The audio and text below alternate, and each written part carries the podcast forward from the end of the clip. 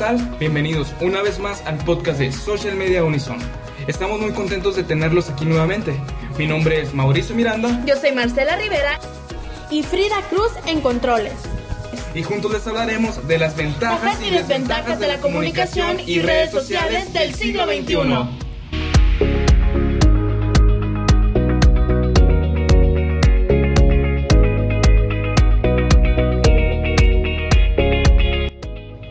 Desde el principio, los humanos han buscado la forma de comunicarse entre humanos. Casi todas las especies tienen sus propios sistemas de comunicación, pero es nuestra especie la que ha logrado desarrollar un método comunicativo más perfecto y efectivo que cualquier otra especie, involucrando así el avance y explotación de la tecnología.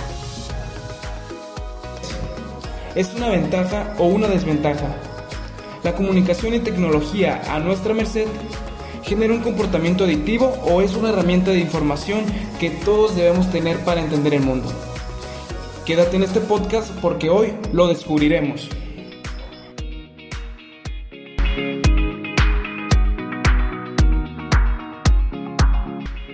En el inicio de los tiempos, la comunicación primitiva bastaba para externar.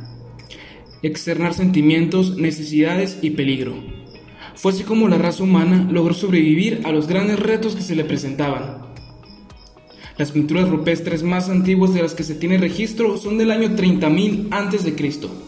Fue ahí donde comenzó una comunicación más visual a través de los trazos y líneas que contaban la vida cotidiana de estas tribus primitivas.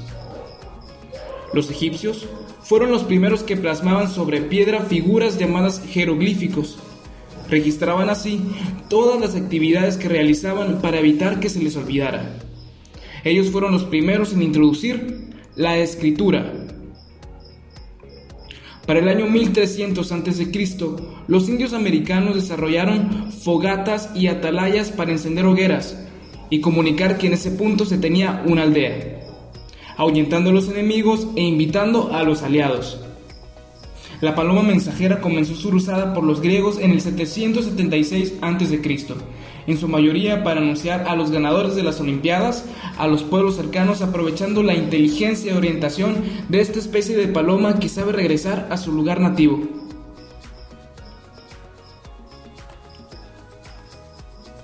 Así fue en el año 550 a.C. con el primer servicio postal, en el 57 con el heliógrafo, en el 105 con el papel y la imprenta, en el 1600 con el lenguaje de señas, en 1835 con el telégrafo y el código Morse, en 1836 con el teléfono y en 1901 con la señal de radio transatlántica, en 1927 con la primera emisión televisiva, en 1969 con el APARNET, red militar de comunicación, hasta llegar a nuestros días, las redes sociales, la social media, el Internet y la comunicación inmediata.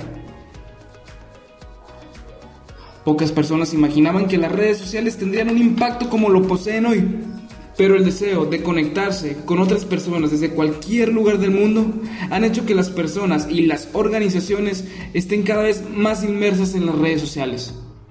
No en vano, una encuesta de Hootsuite apunta que hasta el finales de 2016 2.800 millones de personas usaban redes sociales en el mundo. Que hoy en día una persona no cuente con un perfil en Facebook, no tuitee algunas veces al día o no cuelgue fotos en Instagram es una excepción muy rara, especialmente si hablamos de personas jóvenes. La era del Internet llegó a mediados de los 90 para el público en general y con ella una nueva manera de relacionarse, llamadas las redes sociales. Pero, ¿qué es una red social? Es un medio de comunicación en el que la gente se relaciona con otras personas de manera virtual. Quiere decir que se establecen amistades, negocios e incluso relaciones sentimentales sin ni siquiera haberse conocido en persona. Estas nuevas dinámicas sociales son preocupantes, dado que los jóvenes de las nuevas generaciones están perdiendo las habilidades para relacionarse con otros de su misma edad de una manera sana. Escudados detrás de la pantalla de un teléfono o de un computador, sus habilidades sociales disminuyen, así como la sintonía para con otras personas. La empatía y la simple tarea de acercarse a ser un amigo y hablar con alguien nuevo parecen tareas demasiado complicadas para los jóvenes acostumbrados a ser amigos a través de un teléfono inteligente. Muchas personas se han vuelto adictas, como señala Roberto Valguer en su libro Internet. Él dice, es un nuevo espacio psicosocial. Internet es básicamente placentero. De ahí que tenga posibilidades de tornarse en una adicción. Aparece un aumento de la autoestima en los casos de adicciones, ya que encuentran en esta vida alternativa, un placer, una sensación de intimidad, a veces poco lograda, y hasta una sensación de ser uno mismo. Pero a pesar de las costumbres nocivas que las redes sociales están cultivando entre jóvenes y niños, estas también nos acercan al resto del mundo y nos tienen informados a través de páginas de noticias o la radio online. En la red encontramos información útil para tareas, películas educativas y series de interés. Usada de manera inteligente puede ser una gran herramienta de aprendizaje. Sin embargo, en las redes sociales e Internet en general, se pierde la posibilidad del anonimato, dado que la mayoría de las personas publica fotos e información que muchas veces es innecesaria. Es el compartir por compartir. Claramente sin un objetivo formal, sino por el simple placer de mostrar la vida privada. El problema de este compartir desmesurado es que se pierden las fronteras de donde comienza la vida privada y donde termina porque muchas veces uno se entera de cosas que bajo otras circunstancias no deberían compartirse. Así que hay que preguntarse por qué se publica lo que se publica y si uno quiere que todo el mundo se entere de lo que está haciendo todo el tiempo. Mm, probablemente no. El afán de las celebridades por figurar y por mantenerse en una posición relevante los lleva a postear fotos y a tuitear indiscriminadamente sin filtro alguno de contenido. Y los jóvenes imitan eso y creen que todo vale en las redes sociales. Por otra parte, plataformas como Instagram o Facebook ayudan a crear contactos de trabajo que son positivos y pueden beneficiarnos. De ahí que mucha gente decida lograr su currículum en estas páginas para hacer pública su formación e intereses laborales. Muchos jóvenes consiguen mejores trabajos gracias a las redes de contactos que se tejen a través de estos sitios. En esa medida las redes sociales pueden convertirse en útiles herramientas de trabajo. En lugares que ayudan a localizar personas determinadas para cargos específicos y en redes proactivas donde el intercambio de información y datos es de gran ayuda. La necesidad del intercambio de información inmediato nos fuerza a usar estos sitios y no quedarnos por fuera de la acción. Muchas empresas que antes se apoyaban en los antiguos medios de comunicación como la prensa y la radio para patrocinar sus productos y servicios han pasado a la era digital porque esta llega a un público más amplio, más variado, de manera más rápida. Aún así los grandes nombres siguen confiando en los medios impresos porque las viejas generaciones o bien no tienen acceso a computadoras o teléfonos inteligentes o no quieren cambiar sus hábitos. Lo cierto es que las redes sociales le sirven a los jóvenes que crecieron con Internet a su lado. Muchos adultos no extrañan lo que no conocen, pero poco a poco comienzan a dar pequeños pasos en el mundo digital. Las redes sociales unen a las familias del siglo XXI. En un mundo globalizado, la distancia geográfica ya es un concepto que no asusta ni a parejas ni a familias. Es cada vez más común ver las relaciones a larga distancia, o ver familias que viven en diferentes lugares del mundo. Para estas, tener un teléfono inteligente y poder conectarse a redes sociales es una manera de sentirse cerca, de ver crecer a los nietos y de poder acceder a fotos y recuerdos que en otros momentos de la historia hubieran tomado meses en llegar a través del correo postal.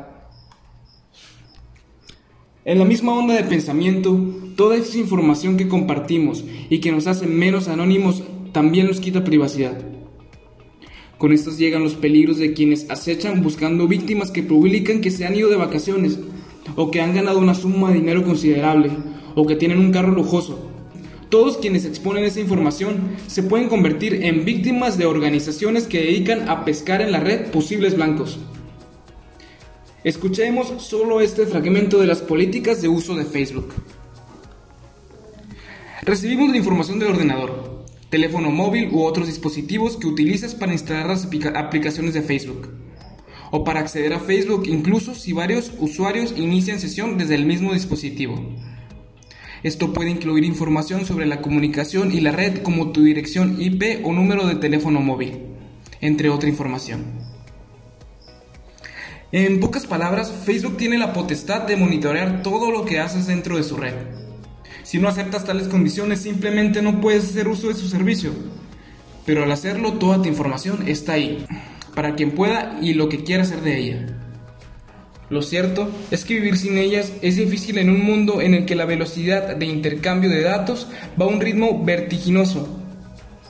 Quien no se usa las redes no puede trabajar o no puede conseguir un mejor empleo. No se hace becas para estudiar o nunca se entera de que puede acceder a ellas. No actualiza su información de lo que sucede en el mundo ni se pone en la capacidad de figurar como un posible candidato para un empleo. No tenerlas a la mano hace daño, es estar desinformado. Pero tenerlas todo el tiempo es también saber demasiado, más de lo que cualquiera necesitaría. Desconectarnos también nos ayuda a recapacitar acerca de nuestro día, acerca de nuestras necesidades y nos ayuda a encontrar el balance en nuestras prioridades. Hay que tomar la justa medida entre estar on y estar off y aprender a disfrutar nuevamente de las cosas simples, como caminar y escuchar música sin el afán de saberlo todo, todo el tiempo y a toda hora. Al haber nacido en la era electrónica, los jóvenes de hoy son seres audiovisuales con todos sus sentidos en equilibrio. Sin embargo, esta prolongación de sus capacidades psíquicas y físicas pueden ocasionar problemas a nivel sociocultural. Vivimos en un mundo globalizado, en donde las grandes ventajas que las redes nos brindan es que son eficaces, aunque detrás de esto existe la amenaza de que ninguna es capaz de delimitar qué material es público y cuál es privado. Es importante que todo aquel que utilice una red sea consciente de lo que sube a la misma, que preste atención a todos los detalles posibles y que logre darse cuenta que lo que decida ser público no sea algo que pueda perjudicar a él o a alguien más. Habiendo crecido a la par del crecimiento de las redes sociales, los adolescentes lo ven como algo natural y cotidiano, donde compartir cosas de la vida diaria es sumamente normal. Pero hay que lograr que esto, a pesar de haberse convertido ya en una costumbre, se utilice con atención y cuidado permanente.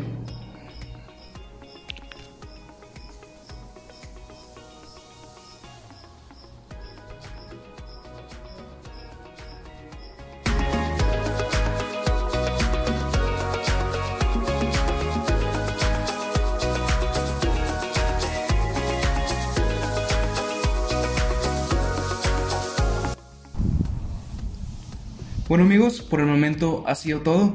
Yo fui Mauricio Miranda. Yo soy Marcela Rivera y estuvo Gema Lares en Controles. Muchísimas gracias por habernos acompañado en este programa de Social Media Unison.